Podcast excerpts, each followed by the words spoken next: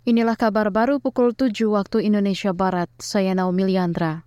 Kementerian Kelautan dan Perikanan KKP tengah menyiapkan peraturan menteri sebagai aturan turunan dari peraturan pemerintah PP tentang pengelolaan hasil sedimentasi di laut. Juri bicara KKP Wahyu Muryadi mengatakan peraturan menteri itu akan berisi hal-hal teknis mengenai pengelolaan sedimentasi laut meliputi pasir laut yang belum dibahas secara rinci.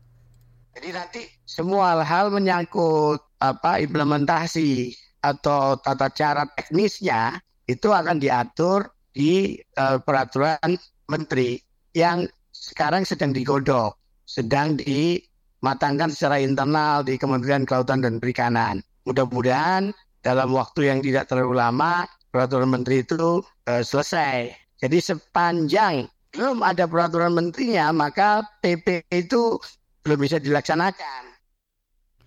Juri bicara KKP Wahyu Muryadi mengatakan aturan menteri akan berisi teknis seperti titik lokasi sedimentasi laut yang akan dikelola serta dibersihkan, kemudian jumlah besaran sedimentasi yang bisa dikelola.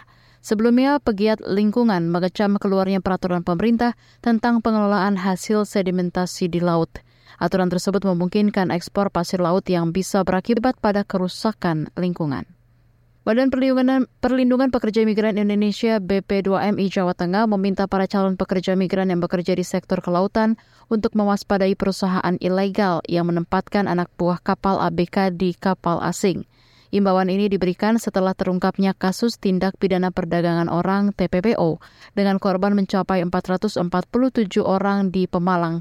Kepala BP2MI Jawa Tengah Pujiono meminta calon ABK mencari tahu apakah perusahaan tersebut terdaftar di Dinas Tenaga Kerja di wilayah setempat. ABK ini adalah bagian dari pekerja migran Indonesia menurut Undang-Undang 18 tahun 2000. Tata cara penempatannya tentunya secara kelembagaan harus punya izin uh, SIK P3MI dan SIUPAK. Kemudian calon pekerja ABK ini kan harus punya kompetensi, punya uh,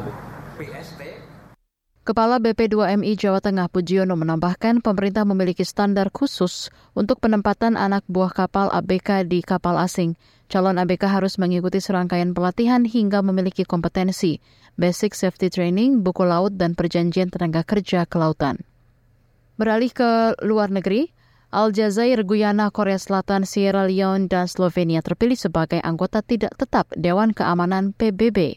Kelima anggota baru untuk menjaga perdamaian dan keamanan itu akan bertugas mulai Januari tahun depan selama dua tahun. Sepuluh anggota tidak tetap dipilih oleh Majelis Umum yang terdiri dari 193 negara anggota sesuai dengan distribusi geografis berdasarkan wilayah. Pemungutan suara dilakukan dengan surat suara rahasia dan kandidat harus mendapat mayoritas 2 per 3 atau 128 suara. Dewan Keamanan terdiri dari 15 negara, lima di antaranya anggota tetap, yakni China, Prancis, Rusia, Inggris, dan Amerika Serikat.